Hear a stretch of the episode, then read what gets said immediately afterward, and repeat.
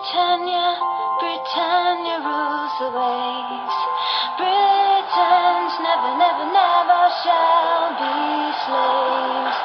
Ooh, Britannia, Britannia rules the waves.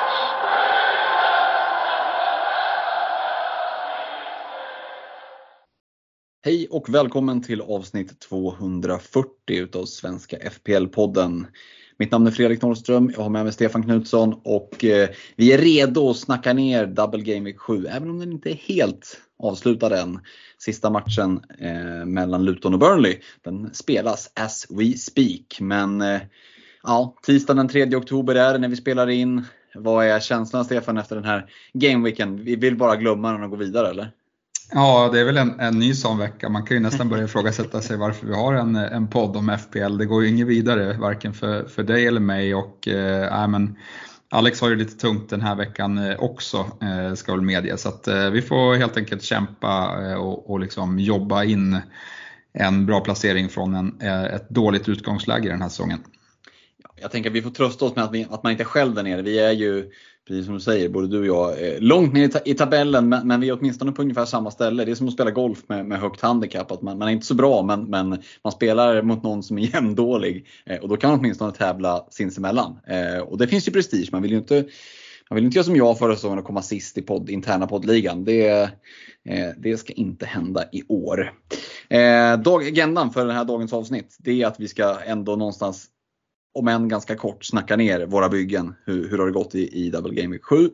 Vi ska kika in i lite veckans punkter och eh, den här veckan tänkte vi prata lite om lagvärde. Ja, men dels vad innebär det och hur kan man hantera det och sådär.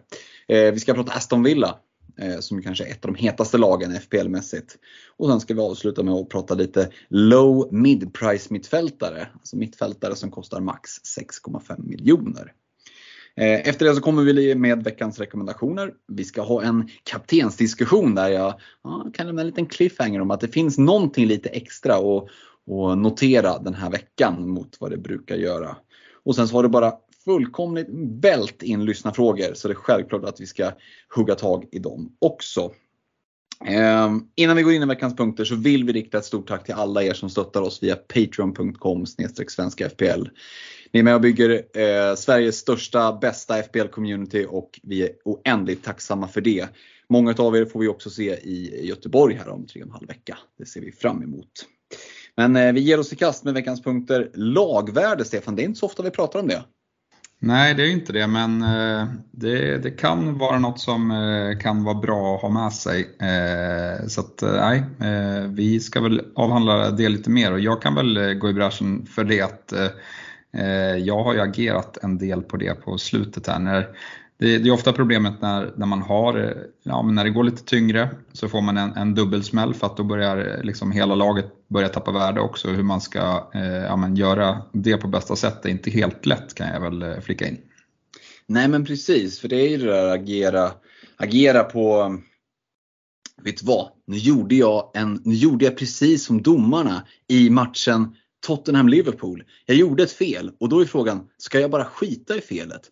Låta allting gå vidare och sen ta skiten i efterhand? Nej, jag gör inte som domarna. Jag gör inte, jag bryter mot protokollet. Gör inte som VAR. Vi går tillbaka, vi stoppar spelet. Precis som ni har hört på ljudupptagningen från eh, VAR-rummet i Tottenham-Liverpool. Vi går tillbaka, vi snabbspolar och går eh, jättekort till våra byggen. Eh, och om huruvida den här eh, liksom, lilla missen var medveten eller ej, det kan ni som lyssnar få klura på. Jag tog 48 poäng. Eh, det var minst dåligt av alla i podden. Stefan 45 poäng. Alex 33 netto. Och då ska vi säga det är innan sista matchen. Då har vi gjort den där rättelsen. Då behöver vi inte stå och skämmas i efterhand. Som Darren England och kompani i varummet. Eh, det är overall ranks på 1,3 miljoner för Alex, 3,4 för mig, 3,5 miljoner för Stefan. Det är inte så mycket att orda om mer. Så Stefan, nu kliver vi tillbaka. Vad gillar du, min, eh, vad gillar du mitt brott mot protokollet till skillnad från eh, varummet? Ja, nej, jag kan tänka mig att det finns en del bitterhet i din kropp här efter, efter helgen. Jag tyckte mest att det var, att det var kul eh, så här när det hände. Eh, vi var, vi var, jag och Alex var på en, en, eh, ja, men tillställning tillsammans med lite gamla barndomsvänner eh, där ja, men, merparten faktiskt höll på Liverpool i gruppen. Så att, det var lite banter där och, och eh, ja, men lite sura miner och, och så. Men vi var alla kompisar när, när kvällen eh, tog slut i alla fall. Så att, eh, inget, inget mer än så eh, kan jag väl säga. Ja, vad skönt att höra. Då, vi ska gå tillbaka, sorry för den lilla återblicken, men jag kunde ju inte hålla mig från att eh, ja, men, göra liksom fel och sen Eh, ja, men, eh, åtminstone rätta till det där felet på en gång. Det går faktiskt att göra, även om det känns lite obehagligt och, och kanske någonting för Premier League-domarna att ta lärdom av. Var var vi någonstans? Vi, eh, vi pratar lagvärde och ja, du är inne på det. Du har ju tryckt av en del tidiga byten. Gjorde ju det inför inför Game Week 7, eller hur? Då gjorde du tidiga bytet Chilwell ut, Bottman in och det straffades ju. Ja, straffades och straffades. Eh, ja, jag åkte på en skada Bottman. Jag inte, det är inte hela världen känner jag. Eh, nu, jag den, det jag har sett är väl att han är out tre veckor. Eh, mm. Så, om det inte är värre än så, ja men då, då hamnar han på bänken här till, till helgen och sen så är det landslagsuppehåll och så hoppas jag att han är fit for fight efter det. Men, mm. men det kan ju såklart bli värre än så. Nu sitter jag i ett läge där jag har en väldigt stark fembackslinje så att eh, för mig är det ingen fara på taket. Eh, det som jag gjorde dock med, med det bytet var ju att ja, men jag såg Chilwell skulle droppa, Bottman skulle gå upp tidigt i veckan, tänkte så här, men 0-2, eh, jag tar chansningen. och ja, men byter in Bottman som jag vill ha. Eh, och, och, du sa nu straffade det sig och det gjorde det ju för att han, han eh, kom ju inte till spel. Eh, och eh, ja, men om vi ska tänka att det kanske hade varit en nolla då eftersom, eftersom Newcastle höll nollan utan honom så, så är det klart att jag hellre hade eh, haft in de poängen. Eh, nu fick jag in Udogis en poäng från, från bänken istället. Så att, det är väl absolut ett tapp för den här veckan. Men, ja, men jag är inte helt främmande för att göra, nu, var det, nu ska vi väl även flika in att eh, Chilwell är bekräftad out tre månader så att han hade ju mm. inte varit bättre att sitta på han heller. Mm. Så, så just det bytet tycker jag är så svårt att utvärdera ännu eh, i och med att det har inte ställt till det så mycket för mig och jag sparade de där 0-2 som var, som var siktet. Men ja, eh, nu hade jag oturen att Bottman eh, faktiskt hade en skada. Så det var ju väldigt mycket flaggor inför den här eh, deadlinen ska sägas. Eh, många visade sig bara vara rökridåer, men, men just Bottmans flagga som, som var gul, det visade sig vara något lite mer allvarligt och han, han var out. Så, så det var väl lite otur kan jag känna också. Eh, då, då känslan tyckte jag hela tiden var att ja, men nu flaggas det spelare till höger och vänster, så här många kommer inte vara borta när vi, när vi blåser igång omgången och, och mycket riktigt så var det ju så. Eh, men ja, eh, det blev ju inte optimala utfallet men, men det är ändå något som jag inte är missnöjd med att, att ha gjort. Nej, och du är inne på någonting där. För det är ju en sak, ofta när man kikar på prisförändringarna så är det kanske att en spelare man vill byta ut är på väg ner i pris, en spelare man vill byta in är på väg upp i pris. Men just när du får kombinationen av att jag vill böja av med den här spelaren, jag vill få in den här spelaren och båda är på väg ner respektive upp, ja men då är det ju liksom för varje eh, ja, men prisförändring som sker så är det liksom 0,2 istället för 0,1. Eh, och, och, jag menar på en vecka om du väntar då kan det ju bli 0,4 i värsta fall, allra värsta fall 0,6. Eh, så det kan bli ganska stora differenser där. Och, och eh, Ja, det, det, är ju som du säger oflax när man åker på en skada. Eh, det får man väl ändå säga. Eh, det, de allra flesta eh, håller sig ju ändå friska och, och hela till, eh, till, nästa deadline. Men eh, ja, det är ju en avvägning att göra hela tiden. Och som sagt den är ju lättare att göra som du var inne på när man har eh, en stark backlinje. Sitter man med två 4-0 backar som kanske inte ens spelar, eller ens det, eh, så då är det ju lite mer svajigt. Eh, så där får man ju också gå till sitt eget bygge. Hur mycket täckning har jag om någonting händer? Eh, mm, det, hur, hur, tänker du kring lagvärdet kontra när på säsongen vi är? vi brukar ju prata om att i början är folk så här sjukt trigger happy game week 1, 2, 3 och bara trycker av byten till höger och vänster. Att då sticker ju ofta lagvärden ganska mycket. Så brukar det dala ner lite grann och sen så Ja men nu här game week 8, 9, 10 är det många som drar första wildcardet och ett draget wildcard är ju inte Eh, det påverkar ju, då på, när man har tryckt av det så påverkas ju inte eh, bytena som görs. Eh, de påverkar inte prisförändringarna. Men det brukar ändå eskalera med lite i samband med att folk drar wildcards. De som inte gör det tenderar att göra lite fler byten också just för att komma ikapp. Hur, hur värderar du liksom lagvärdet över tid om man ser från början av säsongen och framåt? Nej, men jag tycker det är allra viktigast i början. Så det, det tenderar väl till att man egentligen inte ska fokusera allt för mycket på det. Men, men just de här, när, när man vet, som, som du var inne på, jag vet att jag vill in den här spelaren. Mm. Och jag vet verkligen att jag vill bli av med den här som, som jag har känt med Chelsea ett tag när jag tripplade upp dem i, i wildcardet, började med att byta ut Jackson, eh, har liksom inte sett tillbaka alls på honom. Eh, känns bara skönt att inte ha honom i laget. Samma sak med Chilwell, nu, nu blev det extra tydligt med tanke på att han eh, skadade sig ganska illa men, men hans plats i, i Chelsea var inte säker på långa vägar. Eh, nu såg vi liksom dessutom Mudryk göra sitt första mål här i helgen där, där Chilwell eh, har vikarierat eh, och Colwill lassade det eh, målet. Så att, eh, ja, men det känns också som en sån gubbe som, som jag bara vill ha bort. Och, och den, nu, nu står jag faktiskt i, i ett läge med min sista Chelsea-gubbe som är Sterling som också kommer ryka tidigt, eh, troligtvis efter vi har spelat in det här. För ja, men jag kunde i alla fall inte läsa mig till att han, att han, eh, han ska tydligen ha haft något virus och det var därför han missade eh, ligacupmatchen. Jag tolkade det som att, ja men skönt, han får en vila i ligacupen. Eh, och sen blev liksom helt förstörd när jag såg att eh, han, han var bänk eh, här i, i ligan i, igår. Eh, får ju inhoppet men eh, drar ju på sig ett gult kort så, så stannar ju på noll pinnar. Eh, och han kommer droppa i lagvärde troligtvis i natt eller imorgon. Eh, och sån som jag vill ha in och som jag dessutom har exakt med pengar till att få in eh, mot Sterling. 2,2 miljoner i banken. Eh, ja men där tycker jag bara att det är att smälla till. Eh, för nu, jag har haft lite tveksamheter kring Son, ja, men vad ska hända med Richarlison? Ska han sitta på bänken hela hela året eh, när, när Son spelar striker, men nu såg vi att, eh, att det var Richarlison som fick eh, spela vänsterytter här mot, mot Liverpool. Så att, det känns som att Spurs gör allt de kan för att Son ska spela striker just nu och det gillar jag med, med deras spelschemat. Så att, nej, där kommer det flyga av ett, ett byte inom kort här. Mm. Och precis som du är inne på det, att sitter man och det är 0,0, det är precis att man kan göra det där bytet, ja men då är det ju ännu mer angeläget om att kanske liksom värdera, är det värt att faktiskt trycka av det tidigt? Sitter man och det är liksom, du har en halv miljon till godo, ja men då, då har man ju liksom råd att köpa sig tiden att vänta eh, närmare in på deadline. I'm Sandra and I'm just the professional your small business was looking for. But you didn't hire me because you didn't use LinkedIn jobs. LinkedIn has professionals you can't find anywhere else, including those who aren't actively looking for a new job but might be open to the perfect role, like me. In a given month, over 70% of LinkedIn users don't visit other leading job sites. So if you're not looking on LinkedIn, you'll miss out on great candidates like Sandra. Start hiring professionals like a professional. Post your free job on linkedin.com/people today. Ehm, vi ska ju säga det, ni som inte är så vana vid det här med lagvärde, eh, värde på spelare som går upp och ner. Och ni pratar om, ja men om jag säljer en spelare, tjänar jag då hela liksom, prisuppgången? Nej det gör du ju inte. Eh, vill du dra hela den eh, storyn Stefan, hur det funkar med när en spelare går upp i pris och när du säljer kontra när den går ner i pris? För det skiljer ju lite på när den sjunker i pris och när de stiger i pris när man väl ska sälja sen.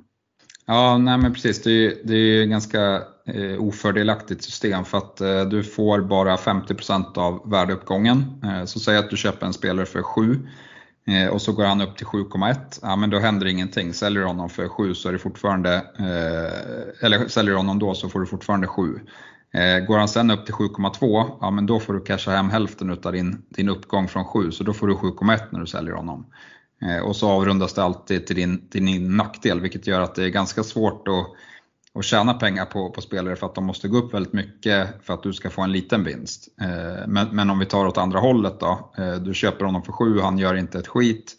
Eh, många säljer honom, ja, men då får du för varje han går ner 6-9, 6-8 så tappar du direkt eh, de pengarna. Så att det är egentligen viktigare att liksom undvika de här spelarna som tappar i värde än att faktiskt vara först på de här som, som går upp i, i pris. För ofta så ser vi ju varför går en spelare upp i pris? Jo, det är för att de levererar. De, de kanske gör som Sterling gjorde i Game Week 2 eller om det var 3. Eh, gör 19 pinnar ja, och sen så ska alla in med honom. Eh, men ja, det var ju kanske inte det bästa läget för att det visade sig att eh, ja, Chelsea de, de var inte att lita på. Så det, det, är många fler som hoppar på väldigt många spelare som, är på, eller som sticker i värde fast som visar sig vara liksom felaktiga spelare att gå på. Så att där kan man egentligen eh, ha lite mer is i mage eh, och och eh, ja, se vilka som, som eh, är de, de rätta hästarna att satsa på helt enkelt.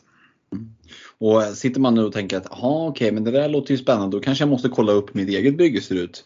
Men eh, för er som inte då för dagbok för vad ni, vad ni köpt en spelare för när och för hur mycket så, så, går det ju att gå in på, om ni är inne på hemsidan, trycker på transfers och väljer list view. Precis under hela liksom här play wildcard och allt det där farliga som man inte vill råka trycka på.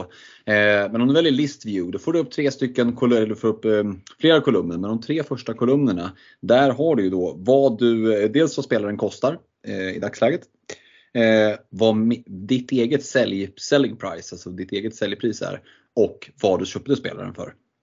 Eh, så, så, det kan ju vara bra om man vill få koll på sitt eget bygge för som sagt att ha det i huvudet kan ju vara lite jobbigt. Eh, vi brukar ju, alltså, generellt sett har väl vi sagt tidigare säsonger att det har varit många som har fokuserat för mycket på lagvärde generellt. Och liksom många sätter prestige i det. Och man scrollar gärna ner i den där högerkolumnen allra längst ner och ser ja, men hur, mycket, hur mycket lagvärde har jag egentligen? Och, och vad är den, liksom, om vi ska summera känslan, liksom, hur, hur stor vikt skulle du säga att det är värt att lägga vid just lagvärdet? Eller är det mer kopplat till att du faktiskt ska kunna göra bytena som du vill? Nej, jag tror att man i, det långa loppet så vinner man på att uh, göra rätt byten uh, mm. och inte bry sig så jättemycket om, om pris. Men, men, det kan ju vara bra liksom att hänga med. För, för, som du är inne på, några gånger kommer man stå där med att man vet att det här kommer bli 0,2, 0,3, 0,4 differens om, om jag gör det tidigt eller inte. Och liksom trycka av något sånt, sånt byte under säsong behöver inte vara felaktigt, eh, kan väl jag känna. Eh, om det liksom sammanfaller med Eh, som mitt byte med Son nu, det tycker jag är rätt uppenbart. För att kollar jag på, ja men nu har vi sett Tottenham, eh, de, de är ett, ett lag för, för toppen i år, även om det kanske har studsat lite eh, med dem eh, än så länge, liksom i, i lite olika match, matchutgångar som de har fått med sig och sena avgöranden och så. så så jag är rätt säker med att deras eh, liksom, grundspel här har förbättrats tillräckligt mycket för att de ska vara med och, i alla fall och slåss om en, en Champions League-plats eh, när vi summerar säsongen. Eh, och nu har de dessutom då superfina matcher där på, på ja, men, kollar vi fram liksom fyra, sex matcher så, så har de chans att vinna allihopa egentligen. Och eh, ja, men är det ett sånt uppenbart läge där man kan få in deras, deras bästa spelare i, i FPL eh, och, och ja, men, det kommer några sådana här lägen under säsong. Eh, det, behöver, så här, det är bättre att, att, vara lite offensiv då eh, än att eh, sitta på hanen och inte ha möjlighet att göra det där bytet. Eh, det kommer komma sådana här lägen när man känner att den här spelaren vill jag in, den här spelaren vill jag in. Men det, jag tror inte att det kommer komma liksom så här uppenbara eh, möjligheter eh, lika ofta. Eh, utan då kanske det är att okej, okay, men den, det, det skeppet seglar men, men då får vi gå en annan väg istället. lite den känslan. Ja. Och ta som exempel då med Son, eftersom Spurs inte har något Europaspel så är det ju liksom ingen risk att han skadar sig i veckan här. För det har vi ju med, med många av de engelska lagen som ska in i Europaspel. Då finns ju alltid den faktorn med att göra tidiga byten att ja, det är ju ändå någonstans större risk att man i 85 minuten drar en, en baksida eller får benet avsparkat eller, eller något sånt. Och, och, det är ju också en aspekt att väga in om den spelaren man ska plocka in då inte har match i veckan till exempel. Eh, ja men det var lite kort om lagvärde. Vi kanske inte behöver liksom grotta ner oss mer eh, i det. Det var en liten eh, kort inblick i vad vi tänker kring det och, och hur det fungerar. Hoppas att ni uppskattade det. Vi ska gå vidare och prata Aston Villa. Och Ja, detta lag som har jäckat framförallt mig kanske. Mm. eh, kliver nu in i ett mummigt jävla spelschema alltså. Game Week 8, det börjar med Wolves borta, West Ham hemma, Luton hemma, Forest borta, Fulham hemma ja, de nästkommande fem matcherna, det luktar offensiva returns, eller vad säger du? Ja, men det gör ju det. Eh, samtidigt känner väl jag lite att det där är ett lag man inte fullt ut kan lita på. Eh, de har haft några resultat eh, under säsong där man tänkt att eh, det var väl framför, ja, de har ju förlorat mot, mot Liverpool och Newcastle så det är väl liksom inget, eh, inget att skämmas över. Men jag tror att det var någon match där i, i ligacupen de torskade mot Everton och så. så att det, även om det känns väldigt bra så, så skulle jag inte bli förvånad om de går på plumpen här eh, någon match eh, inom kort ändå. Men, men jag tycker att det är ett jättebra läge eh, att kika mot dem i, i, eh, i, i FBL just nu. Ja, och det är ju fördelen där att eh, ja, men, ta som då Watkins till exempel som ju kanske är den uppenbara, eh, den uppenbara anfalls liksom, spelaren att kunna få in från Villa. Så för honom spelar det inte så stor roll om de torskar så länge de gör ett par baljer och han är delaktig. Då är det egentligen skitsamma om matchen slutar 2-3 eller 2-0. Eh, det som är fördelen med 2-0 är väl att han har större chans på bonus då. Eh, så det är väl det som spelar in. Men, men eh, så länge returnsen kommer så, så, finns det ju fortfarande väldigt goda chanser till, till bonuspoäng. Men är det så enkelt att det är de tre spelarna i respektive, om man tänker försvar, mittfält, anfall, Cash, Diaby, Watkins. Är det de enda tre som du ser intresse i eller går det liksom att skrapa lite på ytan och hitta intressanta spelare även bortanför eh, de här tre uppenbara? För som sagt, det, det, tror jag de allra flesta ser. att Cash, Diaby, Watkins, man kanske inte måste ha alla tre. Men att börja liksom nosa lite på, på några utav dem, det, det tror jag många som gör. Men eh, eh Ser du flera möjliga eh, ja, men, in, intressanta FPL-tillgångar utöver dem? Inte jättemycket eh, i min bok i alla fall. Jag tycker de står ut ganska mycket. Eh, nu får vi se med, med Diaby då, eh, om, eh, om eh, han liksom är fit eller inte. En knock, han spelar ändå 78 minuter. Det, det känns som att han kommer vara redo eh, när det är dags nästa gång. Eh, på mittfältet, ja, om, om, man vill ha någon billig så Douglas Luiz eh, gör ju sina, sina poäng och han är straffskytt. Så att, eh, mm. det kan väl vara liksom en shout eh, om man, eh, ja, man kan få upp det eh, med, med honom på mittfältet där och vill gå lite, lite annorlunda, kanske spela 3-4-3 till exempel, för nu har vi ju faktiskt gott om anfallare som, som ser intressanta ut igen. Eh, annars du märker, så, jag vet Du märker inte hur jag vallar dig mot, mot en viss eh, snegungespelare? Eh, vem skulle det vara? Ah, Luca Dini tänker jag ju såklart på. Nej, där hade jag faktiskt inte gått för att eh, Alex Moreno är ju, finns ju där eh, någonstans och eh, eh ja, det, det, är väl inte liksom, jag tror inte att, att det kommer bli så mycket förändringar i Villa så länge de vinner nu. Eh, men nej, jag går hellre på Matti Cash som känns eh, mycket mer given eh, då i, i bygget än, än vad en, en Ding gör på sikt. Ja men precis, Moreno har ju varit skadad länge och dras ju fortfarande med om det är en, en, en hamstringsskada kanske som han eh, dras med. Men eh, jag håller med dig, Cash känns ju mer given och har ju varit väldigt bra. Eh, det var ju synd att man inte lyssnade på sig själv där inför säsongen när man satt och rekade honom. Eh, nej, men han har ju varit bra, svårt att se att han ska liksom petas. Det ska ju mycket till, eh, känns det som. Och du är inne på det annars med att Luis där är, är straffskytt. Så att, men å andra sidan, ett lag som Aston Villa när det finns tre riktigt tydliga liksom FPL-tillgångar. Ja, alltså det är ganska bra. Så, det är ganska bra utbud. Um, vi nämnde spelschemat som är väldigt bra. De möter ju, jag sa att det, det finns möjlighet för offensiva return. Så det är klart att Wolves, West Ham, Luton, Forest, Fulham, det är väl kanske inte ligans fem bästa offensiver heller. En eh, Divo Martinez i mål för 4,9 skulle det kunna vara intressant om man till exempel sitter på ett wildcard och ska överväga en målvakt.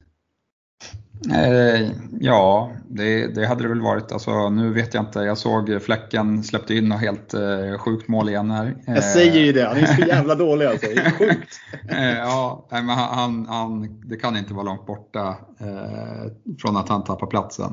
Eh, det, det, såg ut eh, Ja, men som typ eh, som damfotbollen såg ut för några tio år sedan när liksom, de sprang och lobbade över målvakten i, i mitten. Eh, det, var, det, var, lite så det kändes med Fläckens eh, insläpp där i helgen. Så jag vet inte, han, han har väl inte så många ursäkter kvar eh, kan jag tänka mig. Det går inte jättebra för, för Brentford heller så det, det vore ju konstigt om, om eh, eh tränaren inte vill göra någon eh, form av förändring där. Eh, skulle, skulle, jag skulle inte bli förvånad i alla fall. Eh, så. Men, men Martinez absolut, eh, bra spelschema. Eh, lite surt att betala upp dem där 4,9 kanske. Och sen det som mest talar emot honom är att man kanske vill ha tre andra från, från Villa just nu. Ja det är det, man kan ju bara ha tre, tre spelare från samma lag. Men, men mm, Eh, ett intressant gäng att följa och vi kommer väl, vi kommer ju till rekar senare i det här avsnittet och jag, jag eh, vågar nästan nu utlova att det kommer att pratas Aston Villa på ett eller annat sätt. Eh, ja, men kanske eh, redan både det här avsnittet men även i kommande avsnitt framöver. Eh, nog om Aston Villa. Vi ska kliva in i veckans tredje och sista punkt. Och det är det vi väljer att kalla för på lite svengelska low mid price midfielders. Alltså low mid price mittfältare. Mittfältare som kostar max 6,5 miljon helt enkelt. Eh, och den gränsen kan jag tycka är lite godtyckligt satt och det är den också. Eh, det är jag som bara har dragit ett streck kan man säga. Eh, för att börjar vi kliva upp mot 7 miljoner, men då finns det helt klart fler. Men då är vi inne i det vi brukar kalla för mid-price segmentet. Men kommer vi under 6,5 då tycker jag att man kan prata om ja, men något sånt där mellansegment mellan budgetfältarna på 4,55 och de här riktiga midprice-fältarna. Och här har det ju liksom utkristalliserat sig en liten grupp spelare som faktiskt är rätt intressanta. Eh, jag som går i lite wildcard-tankar, förmodligen till Game Week 9, blickar ju mot att spela en 3-4-3 och sen så komplettera upp med en femtefältare som då inte är en 4,5 eller 5,0 fältare utan kanske just det här 5,5-6 miljoner och sen rotera runt och alltid ha i princip en, en ganska bra mittfältare på första kvisten. Eh, återstår att se om det landar i just det. Men eh, vad, vad, är spontana tanken om det här eh, prissegmentet? Eh, low, price, low mid price mittfältare? Ja men det är intressant. Eh, sen, sen nu, nu bommar ju till exempel en Mitoma med, med 100 000 där då. Mm. Men, han kanske ska med. Eh, Skornas inhärre. Ja exakt. Eh, nu nu liksom, får vi se lite hur det går för, för Brighton i Europa. Det var ju ett bottennapp här mot, mot Villa men, men de har ju ett bra grundspel i, i, egentligen så att, jag tror att de studsar tillbaka. Kanske inte omgående då man ska möta Liverpool och Manchester City, eh, vilket kommer bli oerhört tufft. Men, men därefter så ser ju, ser ju spelschemat eh, riktigt bra ut igen. Eh, så att eh, han, han räknar inte bort eh, alls och han kanske, jag tycker är den som, som är mest eh, intressant eh, om man kollar 6-5 och neråt. Om man får, om man får liksom trycka in honom där. Eh, annars, så är lite, annars så kanske man är ute efter liksom mer budget. Eh, jag ser ju ett liksom, Neto som är i strålande form för Wolves. Eh, en Anthony Gordon i Newcastle som förvisso är avstängd här till helgen men eh, han har ju sett bra ut. Eh, det som även talar för honom är att Barnes är borta ganska länge. Eh, så att han har ingen riktig konkurrens där ute på vänster vänsterkanten, det skulle väl vara om, om de petar ut Isak där igen. Eh, men det känns som ganska långt eh, borta just nu när de, när de ska liksom eh, alternera och spela Champions League och, och ligan. Då, då görs det ganska naturligt att, att Wilson och Isak får, får dela på den bördan i mitten. och, och sen tycker jag väl att James Ward-Prowse ska nämnas i det här segmentet med med West Hams spelschema från Game Week eh, 10 och framåt som eh, ja, ser, ser helt sjukt bra ut faktiskt. Mm. Ja, de, de har ju två, man kallar det ändå för lite tuffare matcher, 8-9 med Newcastle hemma, Villa borta. Men det är ju liksom inga omöjliga matcher. Och, och den där eh, ja, men högerfoten den kommer ju att kunna få sina lägen och i sådana matcher mot Newcastle Villa, ja men då blir det ännu mer viktigt att ta tillvara på hörner och frisparkar och sådär. Så att det finns ju liksom alltid ett hot eh, i Ward Prowse även ja, men i de lite tuffare matcherna. Men som du säger, sen från 10 och framåt ser det ju det ser eh, intressant ut helt klart. Eh, vi kan ju se också en spelare som du inte har nämnt som, som finns med i det här segmentet. Det är ju Etze som det precis innan vi började spela in här kom eh, eh ja, men typ bekräftat skulle jag väl säga att han är borta ungefär sex veckor. Eh, och det är ju säkert en hel del som har valt att kliva på där. Eh, det var lite skral utdelning i början men har ju ändå sett fin ut och har ju varit den här talismanen. Och, eh, ja, men spelschemat för Pärla ser ju ändå rätt okej okay ut förutom match, eller omgång 9 och 10 där man har Newcastle borta, Spurs hemma. Men ja, bra, fin match här i åttan och sen från, från Game Week 11 till 15 så är det ju mumma matcher. Men eh, då får de klara sig utan Etze. Hur tror du att det kommer påverka Pallas? Ja men de fick väl även Eduard på, på skadelistan och det ryktas, jag tror att det ryktas om att Olysé är eh, liksom inte heller nära att vara tillbaka så att det känns ju riktigt tungt för, för Pallas eh, offensivt sett eh, mm. i alla fall. Eh, det, det, är väl spontana känslan. Eh, det är inget lag som jag som jag blev direkt sugen över. Din rek på Andersen har ju, har ju suttit fint. Han, han eh, scorar ju här på, på Old Trafford eh, nu senast och kom iväg med mycket poäng. Eh, så, men utöver det så, så eh, har jag inte kikat jättemycket på, på Palace just nu faktiskt. Nej men precis, de är ju lite så här smålurigt lag och, och, det är klart att de har inte den bredaste av trupper och när de då åker på ett par skador och här borta, Etze skadad, Eduard skadad, Olysée skadad. Eh, då är det fan inte mycket kvar. Alltså Jordan Ayew skrämmer ju inte slag på motståndarna i Premier League direkt. Eh, så att, mm, det, jag tror att de kan få det väldigt, väldigt jobbigt. Eh, återstår väl att se hur, hur det visar sig i poäng och det kanske blir ett lag att, att reka vilka som de ska möta. Eh, men, men eh, de får väl lite upp till bevis eh, även utan Etze. Hur, eh, hur rankar du då om du måste välja? Låt säga att rent hypotetiskt du sitter med ett WC just nu aktivt och ska fylla den där femte mittfältspositionen och du, och du landar i att om du har en budget på, på säg 6,5 miljon spik. Vem, vem blir det som tar sista mittfältsplatsen då? Eh, Ja, då, då får jag inte in Mitoma, annars hade han tagit det. Men, men då mm. hade det nog varit eh, James Ward-Prowse som hade, hade fått eh, den sista platsen där. Mm. Följt, mm. följt av Anthony Gordon tror jag. Mm, precis, jag är sugen på Gordon där. Jag hade nog faktiskt valt Gordon. Trots att han är avstängd nu i den här. Han har ju plockat sina fem gula men är ju tillbaka lagom där till fina matchen då mot just Crystal Palace hemma. Och som sagt, det, men när vi just har redogjort för hur försvagade Palace är så ja, Anthony Gordon i Game Week 9, det, eh, det ser spännande ut helt klart. Eh, ja, men vi, vi nöjer oss så med, med veckans punkter och, och, innan vi går vidare så ska vi ju rikta ett stort tack till våra partners. Glenn Sportsbar, där syns vi om tre och en halv vecka och på ett FPL-event. Det ser vi fram emot. Ja, verkligen. Eh, som sagt, jag missade ju förra årets event, vilket eh, tog, eh, tog hårt. Jag hade gärna varit eh, där. Ni, ni verkade vara mycket, ha mycket trevligt. Och, och liksom det här eventet har ju, har ju växt för varje år eh, som har gått. Nu, nu var det ju redan slutsålt i, i fjol och det kommer ju vara, eller det är ju redan slutsålt i år också. Så att, eh, men för mig blir det i alla fall första, första gången att få uppleva eh, deras största sportbar där i eh, Glenn i, i i Göteborg helt eh, slutsåld. Jag, jag, kan bara tänka mig att det kommer bli magiskt. Ja, nej, men vi ser verkligen fram emot det. Det ska bli sjukt skoj. Eh, riktigt också ett stort tack till Unisportstore.se, Nakata.se där du har 15% på första köpet, koden FPL2315. Superclub som levererar schyssta brädspel.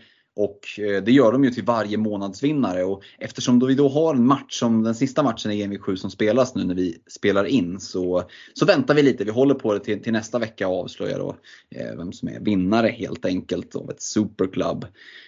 Um, och vi ska såklart också tacka reducering.se, våran partner när det kommer till andelssystemen. Du var ändå rätt på det Stefan i helgen som var där med att gardera många av eh, favoriterna i Premier League. Nu föll inte halvgarderingarna fullt eh, men så som vi ville men vi är någonting på spåren. Vi krigar vidare mot de där 13, eller hur?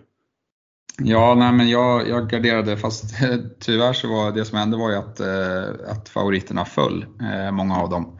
Eh, plus att spiken satt ju absolut inte bra där på, på United. Eh, men, men, nya tag, eh, det är fortsatt, det är ju riktigt kul att, att sätta i ordning de här systemen. Så att, nej, in och kika på, på reducering.se, det, det slår vi ett slag för. Ja men verkligen och jackpot på 20 miljoner till helgen också.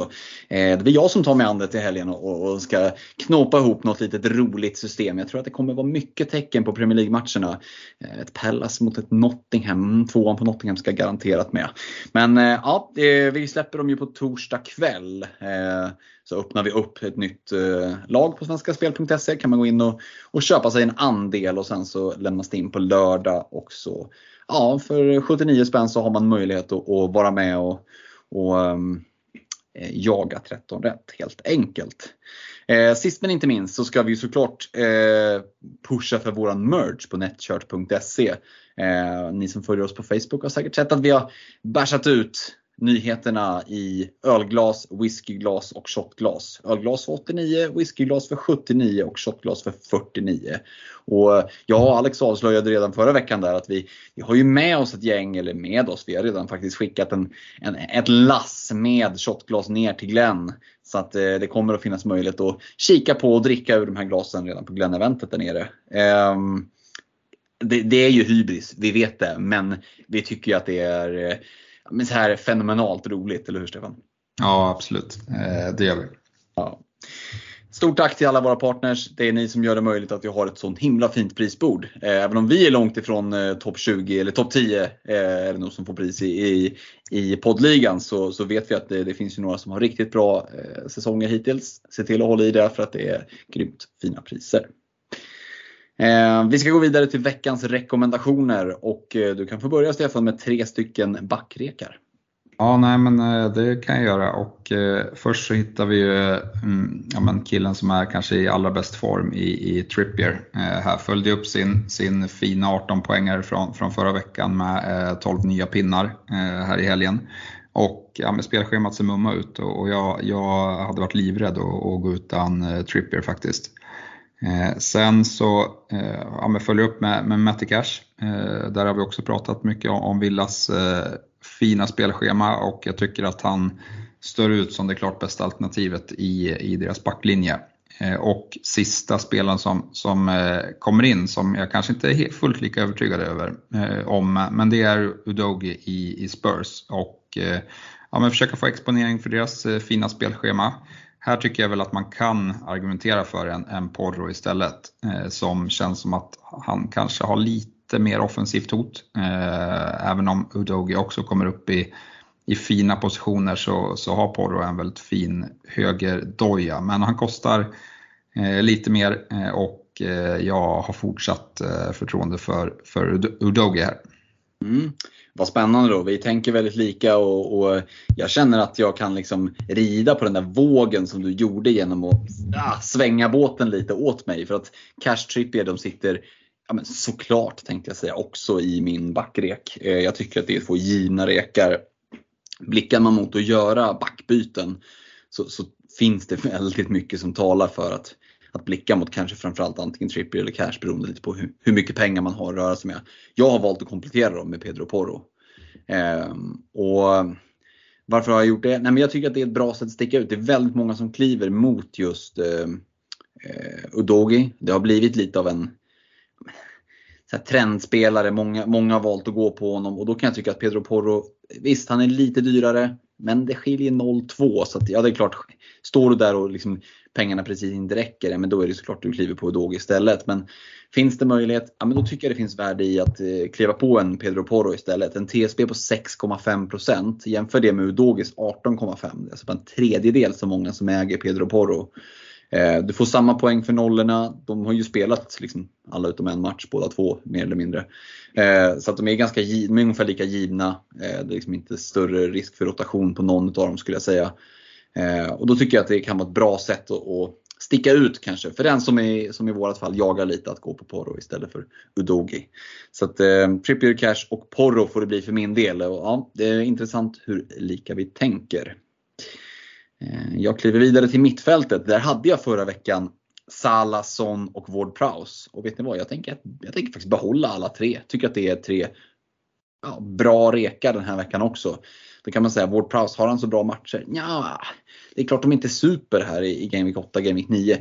Men det är inga dåliga matcher. Alltså, för en sån som Ward Prowse, som jag sa tidigare, det kommer alltid finnas eh, frisparkslägen, det kommer alltid finnas hörner, inlägg.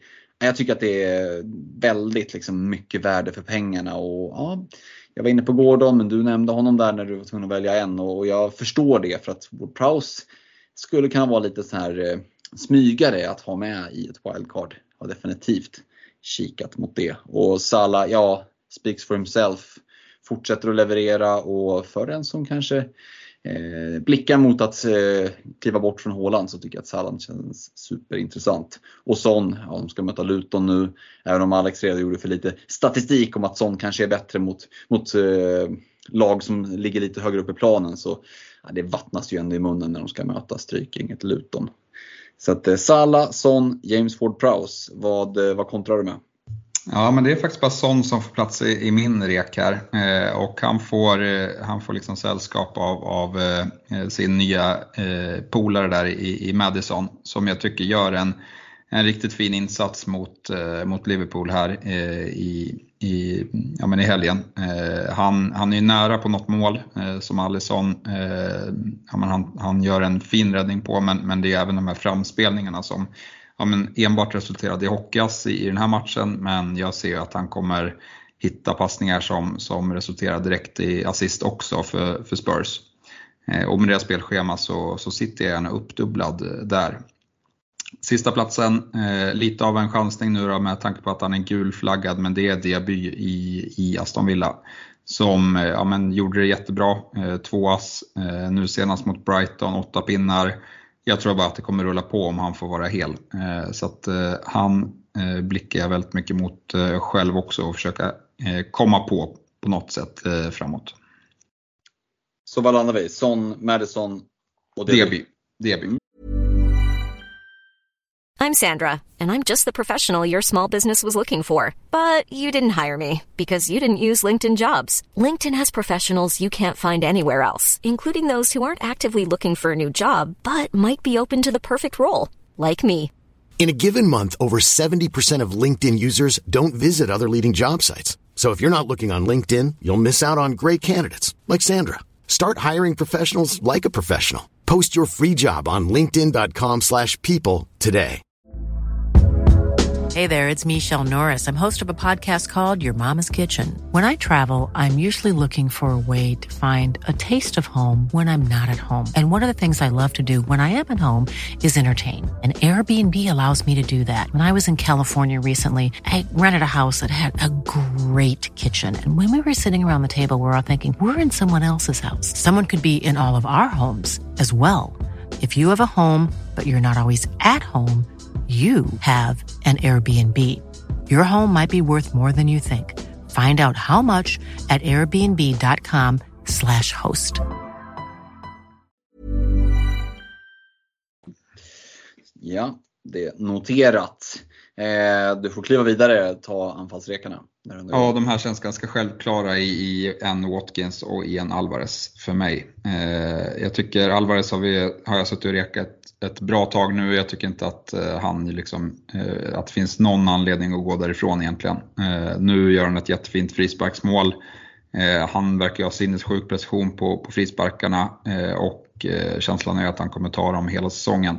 Även när när De Bruyne är tillbaka. Eh, så det är väl mer problemet hur, hur man ska liksom eh, kunna spela med alla eh, bra och liksom att han ska spela i City när, när alla är hela. Eh, men just nu så, så eh, ja, hade jag inte velat röra på honom och eh, Watkins, vad mer ska man säga, leder ju faktiskt poängligan nu här före Haaland och ja, han kom iväg med kanske lite väl mycket poäng från, från helgen men eh, samtidigt har vi sett att han är ju central i, i Villas eh, anfallsspel och eh, även när han inte har gjort mål tidigare så har det trillat in lite assist så, liksom, till och från så att jag tycker inte att man jagar poängen genom att, eh, om man nu är sugen på att byta in honom här direkt utan eh, jag tror att det är ett, ett sunt byte om, om man har möjlighet att gå dit. Det är väl svårare att det kanske inte finns någon offer eller att, eh, att det ska till väldigt mycket pengar för att göra sin, sin tredje anfallare till en, till en Watkins. Mm. Eh, det smärtar mig att säga men jag förstår ju reken på, på en Watkins som, som har eh, väldigt fin form och även Alvarez. Så, men eh, om vi var lite lika i, i försvaren där och folk tycker att ah, nu, nu är det same same. Då ska jag komma med två andra namn ändå i anfallsreken. Eh, och eh, satt på, på eh, Wilson och Avoni i förra veckan. Avoni, han är kvar. Eh, lite mer kortsiktig pant. Pallas borta. Jag tjatar om det, men de är försvagade. Tycker att Avoni ser fin ut och ja, men lite småspännande. Låg TSB runt 6% ganska billig, enkel att få in.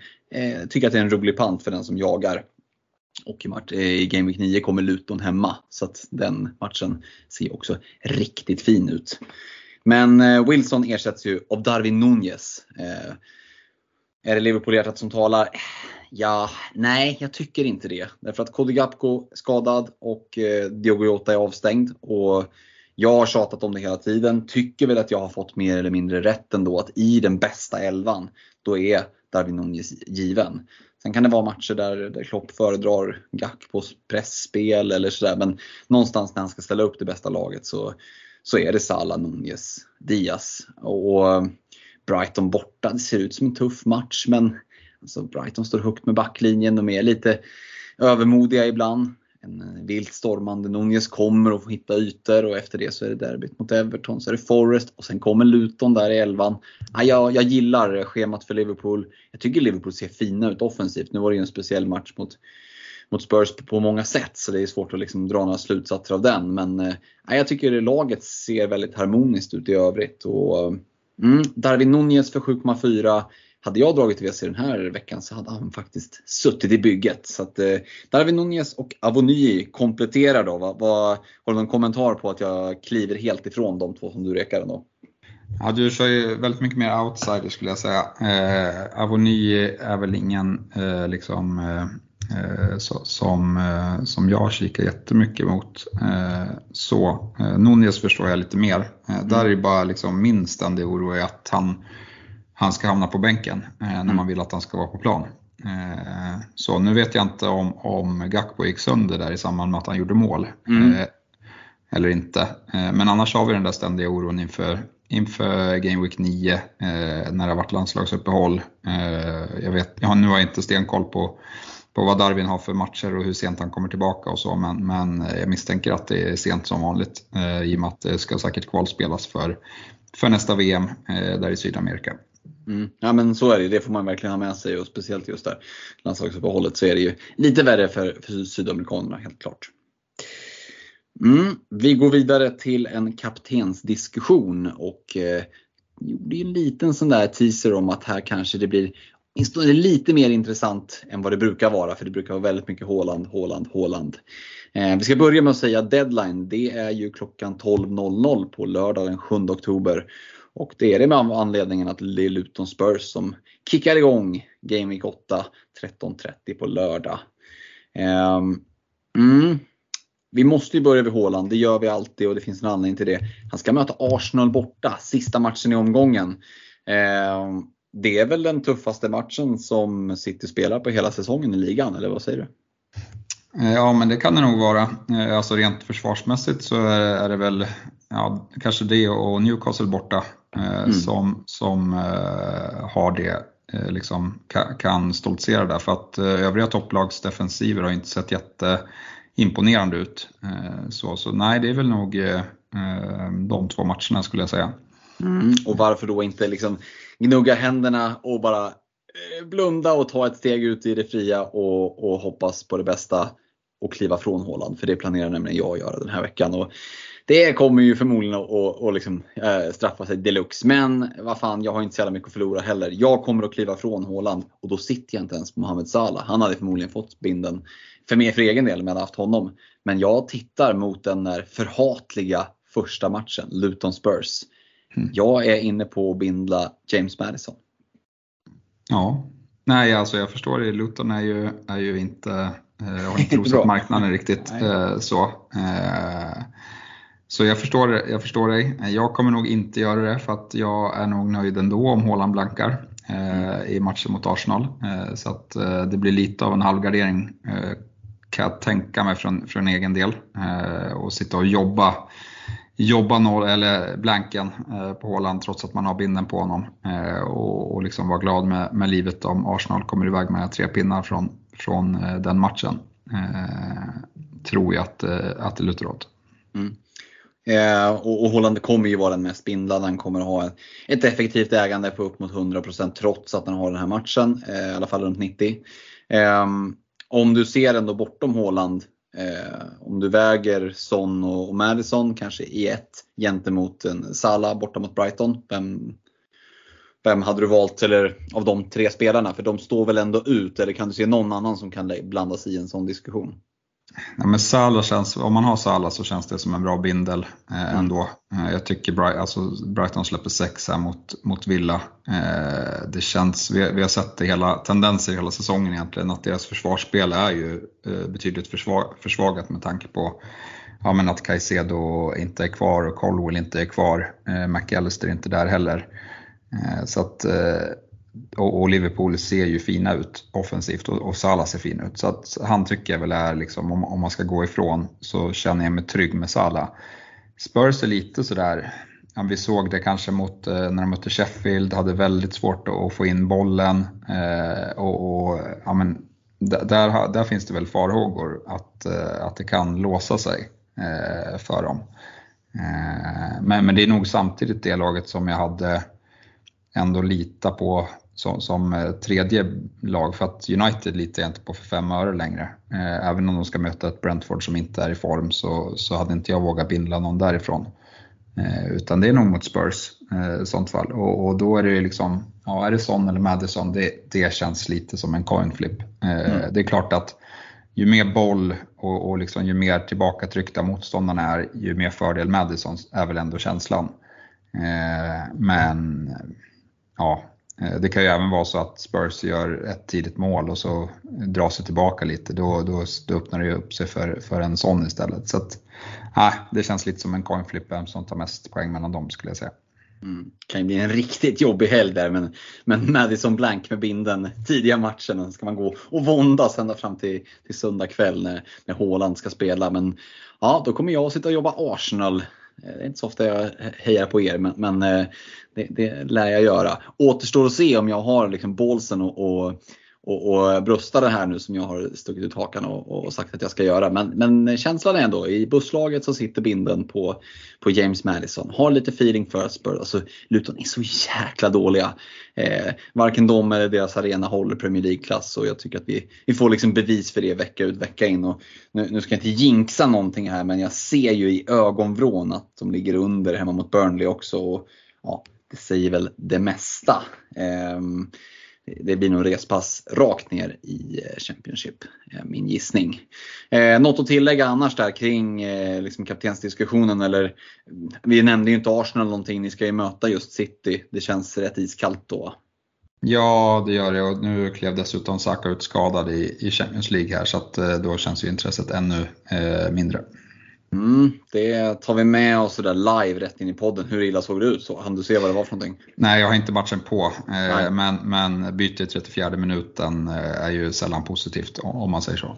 Mm, ja, nej, det låter oroväckande. Då är det förmodligen där som bytet hamnar för en själv. Mm, ja, det är Eh, som sagt, vi spelar ju in tisdag kväll så att det kommer ju hinna hända. Det ska spelas här, det spelas Europaspel ikväll parallellt med sista matchen i Game 7 och så ska spelas Europaspel både onsdag och torsdag också. Det är väl ett bra medskick till er som då eventuellt sitter på, på eh, men funderingar att, eh, som du Stefan att göra tidiga byten. Eh, vi ska avsluta med lyssnarfrågor och som sagt det har rasat in. Vi ska eh, bocka av några utav dem. Eh, Mattias Oet Olofsson Wetter, han skriver så här. Wildcard är aktiverat. Men är lite kluven kring hur viktig Watkins är. Eh, och om man kan sticka ut lite med Trippier framåt kan det vara en bra chansning.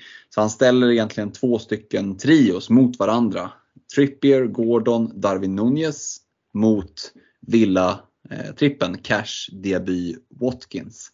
Så Trippier, Gordon, Darwin Nunez mot Cash, Diaby, Watkins. Oj, ja, det, är, det, är, det är väldigt bra alternativ där. Eh, jag hade mm. velat fått in mer än tre utav, eh, utav de sex spelarna han nämner, eh, är väl min känsla. Jag tycker, tycker att Ja, men Tripp, han skriver att Trippier är en chansning, det, det jag förstår inte riktigt det. Han, han eh, leder väl liksom poängligan för backar redan. Mm. och eh, det var ju liksom, nej Andersen leder faktiskt, han, han är två pinnar före. Men, men vi har ju sett Trippier, eh, vad han kan göra och då har vi med oss att han, Trippier hade ju knappt några poäng efter eh, deras dåliga matcher. Eh, men nu när de har bättre matcher så, så är Trippier där med sina fasta situationer och han hotar i öppet spel och så. så att jag tycker Trippier är en, en eh, guldspelare att ha. Så därför går jag väl hellre på, på hans eh, Trippier-spår där då. Men, men eh, försök hitta en väg att få in eh, villaspelare i, i det spåret också skulle jag, skulle jag säga. Mm. Och jag menar, ser man visst, Darwin Nunez och Watkins kostar ju pengar men Diaby Gordon som två av fem mittfältare, det är ju inte så att du spränger banken där direkt. Och, och visst, Trippier kostar mycket, det är ju lite lurt att få in honom, men cash är ju Ja men det är han ju given i ett, eh, i ett WC känns det som. Det är ju ja. en, av de, en av de första spelarna in. Ja. Så det går nog att kombinera lite där, det behöver inte vara eh, svart eller vitt. Antingen eller. Eh, Willem Blomqvist han skriver så här, wildcard nästa vecka. Vilka är topp tre spelare att, ha, att liksom sikta mot inför Game Week 8? Och då är det lite som det jag och Alex var inne på förra veckan där med dead end. Om man nu, precis som jag då har mer eller mindre bestämt sig för att dra ett WC till Game Week 9. Men då är det ju bara en vecka kvar. Eh, och då är det just Game Week 8 att spana mot. Och för egen del, ja, Spurs ska möta Luton. Eh, jag tycker att det är det laget man siktar in sig på och byta in spelare från. Ehm, har du något att kontra med något annat lag som du tycker har en, en bättre match egentligen? Eh, nej, eh, det kanske kan bli islossning för, för ett Chelsea men, men det är ju liksom, eh, då ska man gå på en, på en muddryck kanske, pant. Mm. Eh, som, som, eh, där det, ja, men, jag vet inte, jag har läst lite så här, det går ju lite rykten om att han har varit helt sjuk liksom och bara tränat som en galning här. Eh, och får han det här nu första målet så kanske kan släppa för honom. Eh, det är en rolig pant för, för en vecka i alla fall. Ja men precis, det, man behöver liksom inte man behöver inte betala skulden sen om det skiter sig utan som du säger, för en vecka så går det också att chansa eh, lite mer vågat än vad man kanske gör om man måste sitta, och, sitta kvar med spelaren. Ja, men jag tänker liksom Burnley borta, det var ju den matchen som Son bara öste i. Eh, Mudryk har också ganska mycket speed. Eh, om Burnley nu tänker liksom stå så högt med backlinjen så skulle det kunna vara något som, som passar honom också. Mm. Asad Amaya, han skriver att han har ett mittfält bestående av Bruno, Rashford, Foden, Mboemo och Gordon. Och han siktar mot att ta in Son och Madison och det låter väl klokt. Vilka två skulle vi skeppa? Han har 2,2 miljoner på banken så det är gott om pengar. Så skeppa två stycken av Bruno, Rashford, Foden, Mboemo och Gordon. Ja, jag hade nog eh, skeppat Rashford och Foden tror jag. Mm, det kan jag faktiskt bara instämma i. Eh, och, och, Gustav Eriksson är inne på lite samma spår. Han ska in Son och vill skeppa då antingen Rashford eller Bruno. Och jag kan bara instämma i det som du sa att jag hellre skeppar Rashford i dagsläget och, och håller kvar Bruno.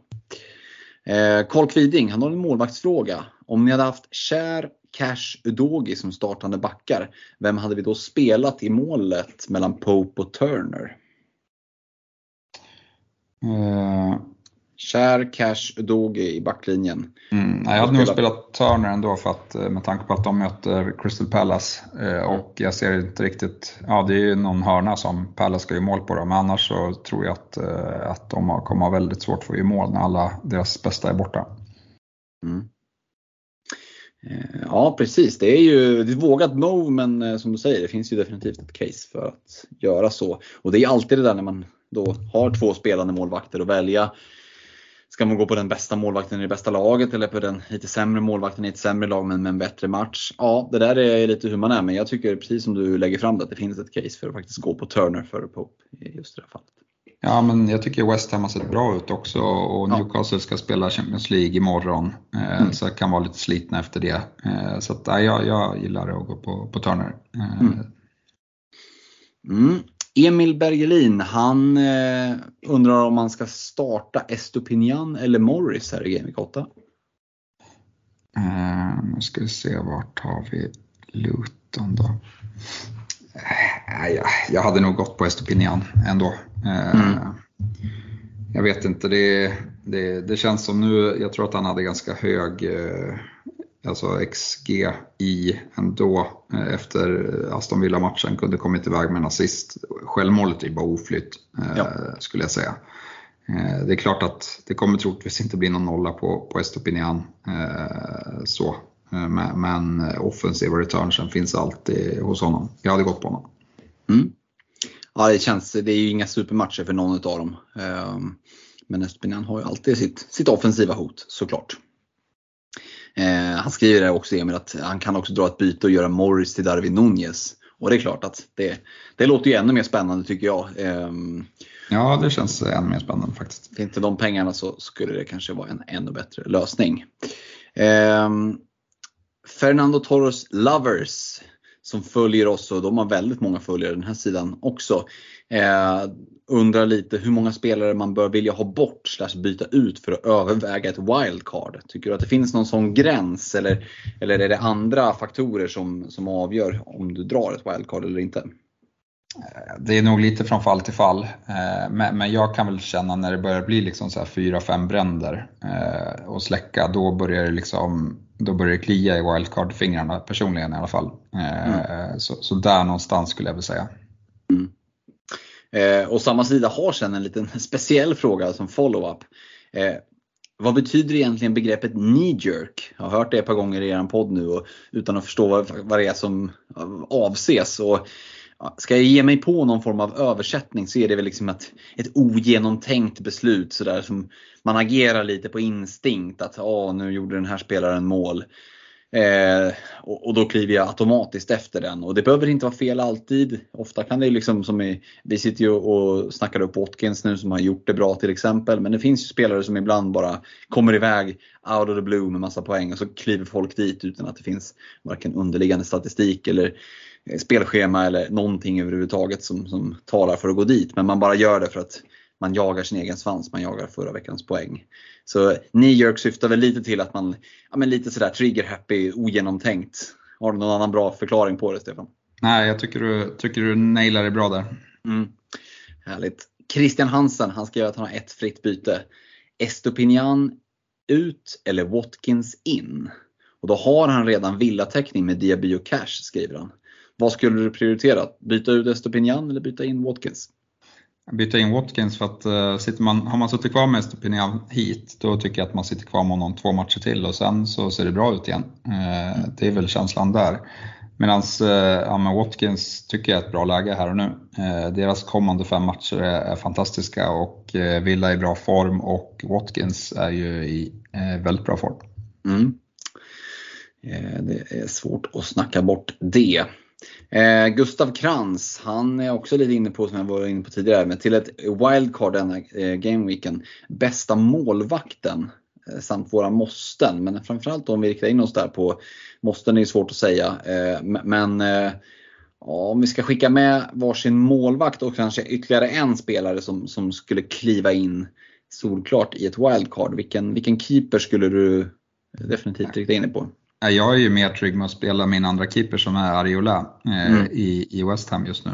Eh, så han, han, det är nog den, den målvakten som jag helst liksom väljer ut först i ett, eh, i ett wildcard. Eh, faktiskt, eh, vilket känns märkligt men, men så är det just nu. Eh, och en spelare så hade jag inte gått utan Son här.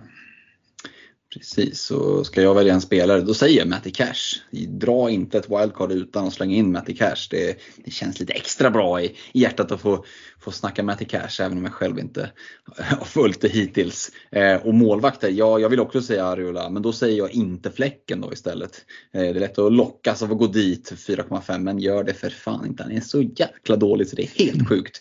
Eh, och det ska bli så skönt att dra ett WC nästa vecka och bara skicka honom så att vad ni än gör på ett wildcard, plocka inte in fläcken. Eh, mm. Robert Jonsson, han har eh, ett fritt byte. Han är inne på att göra debut mot Foden. Eh, och då menar han förmodligen tvärtom, att han ska byta ut Foden mot Diaby, Eh, utgår jag ifrån. Eh, tankar om det och gör han inte det den här omgången så väntar han till nästa. Och hur, vill veta lite hur vi ser på att byta ut Foden, ta in Diaby redan den här veckan eller kanske då, eh, ja, som jag tolkar rulla bytet, ta två fria och sen eh, göra bytet nästa vecka. Ja, vad, vad tänker du kring det? Ja, jag hade ju velat haft besked, så jag hade ju väntat eh, till presskonferenserna för att få någon form av information på Diaby, så att man mm. inte byter in honom och han inte spelar. Men får man liksom bra besked där så hade det, ser jag absolut att man kan, kan göra det. Sen är Foden en sån spelare som är jobbig att byta ut för att eh, helt plötsligt så, så står han där med 1 plus 1 eh, i, i City och eh, ja, men det, det är sånt, sånt som kan hända när man, eh, när man byter ut City-gubbar. Mm. Mm. Eh, Christian Gramer han sällar sig till, till den stora massan då, som har ett fritt byte men han är också osäker på vem han ska byta ut. Är det den skadade Wilson eller den bänkade Sterling?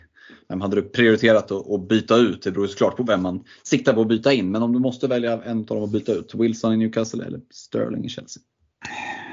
Ja, men eh, det, ja, jag hade nog tagit Wilson. Det är det största problemet om han är borta. Liksom. Om han hade, han, där kan du inte få någon poäng. Sterling, ja, men där får man ju bara hoppas att han spelar. Nu fick han ju inhoppet efter sjukdom här. Eh, gjorde de som spelade Chelsea vann ju matchen, gjorde de det tillräckligt för att få chansen eh, samma elva igen eller kommer Sterling slå sig in?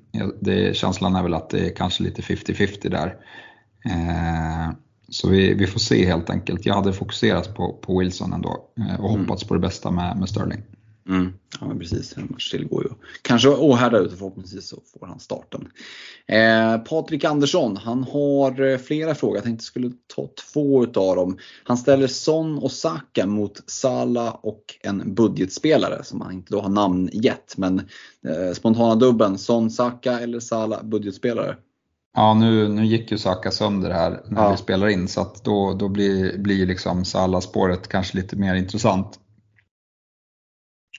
Såklart. Men och, lek med tanken att vi säger Son Bruno då, och ge, för att ge det någon form av motstånd mot Salah och budgetspelare. Då hade jag nog ändå kört på, på Salah. Ursäkta, jag har lite problem med ljudet. Ah. Eh, vi går eh, vidare så länge till eh, Patriks andra fråga som eh, är vad vi tror om Raya som första keeper med Ariola som backup. Och du ska få svara på den alldeles strax där Stefan, men, men det är ju spännande. Det är ju ingen, ingen spelare som vi har nämnt. Och det beror väl lite på att även om det ser ut som att han har tagit över vad är det vi brukar säga, första spaden, för att göra en hockeyreferens, eh, i Arsenal så finns ju Ramsdale där som kanske ligans bästa backup-keeper. Och, och, ja, Arsenal går in i ett ganska tufft spelschema, även om spelschema kanske inte är superrelevant för, eh, för målvakt om man drar ett WC nu, man ska sitta med den ganska länge. Så, så det är mer pengar och Eh, det kan ju vara så att man vill ha eh, tre stycken utspelare från Arsenal. Då har man låst upp en plats på Raja. Och det kan ju faktiskt vara så också att Ramsdale eh, är där och jagar på honom. Och jag vet inte vad du säger Stefan. Är, är Raja, har han tagit har han tagit första platsen nu given eller kan vi få se lite rotation med, med Aaron Ramsdale som, som utmanar om att få ta tillbaka tröjan? Ja, men det, det verkar verkligen som att han har tagit första tröjan skulle jag säga.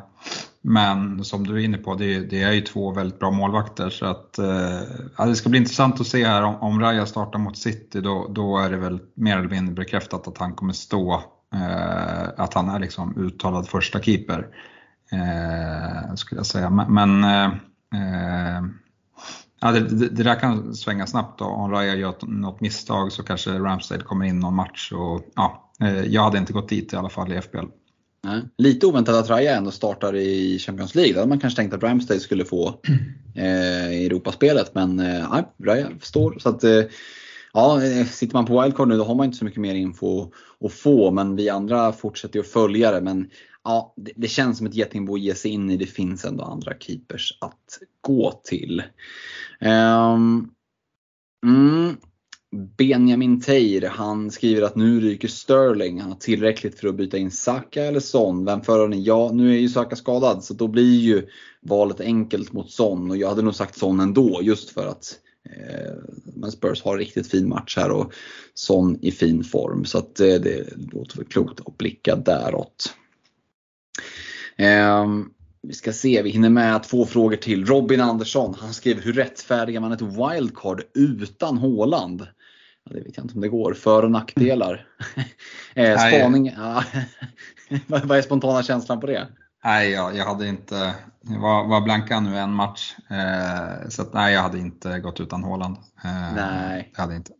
Robin skriver det att eh, spaningen det är att Son Sala troligtvis är ett bättre kaptensalternativ i 7 och 8 kommande omgångar. Kan man verkligen betala 14 miljoner för en spelare som man inte ens tänker kaptena? Ja, alltså det är inte, du behöver inte kaptena Håland i, i, alla omgångar men man ska också medta det har man inte ens honom i bygget då blir man ju liksom dubbelt straffad de gånger han faktiskt tar mycket poäng. Utifrån att väldigt många kommer att binda honom. Ja, nu gjorde ju Watkins 3 eh, plus 2 mot Brighton här, eh, så att jag vet inte om eh, den matchen för City i Game Week 9 är så skräckinjagande så här på förhand. Nej, det är, och, och, varje vecka man liksom ens tänker tanken som jag gör den här veckan och kliva från Håland så ja, jag vill inte ens tänka tanken på att ha ett lag utan honom. Det, det är lite kamikaze över det hela. Och, och det, det räcker med att sticka ut genom att kliva ifrån honom med binden. Det är liksom det är våghalsigt men att kliva ut honom helt, nej det, det, det kommer att straffa sig om han, om han är hel. Det kan jag nästan garantera. Eh, sista frågan, den är från Henrik Jonsson. Han skriver att han redan har bytt in cash mot Chilwell. Han undrar nu om det kan vara värt att ta minus 4 för att byta ut Sterling eh, till en mittfältare för max 8 miljoner för en två veckors pant. Gör ont att se pjäxan kvar i bygget skriver han. Eller ska han få en sista chans mot Burnley? Planen är wildcard i Game 10. Han sitter redan på Son, Madison, Bruno och Foden. Ja, vad säger du? Gjort ett, tryckt av ett tidigt byte, minus 4 för att ut Sterling.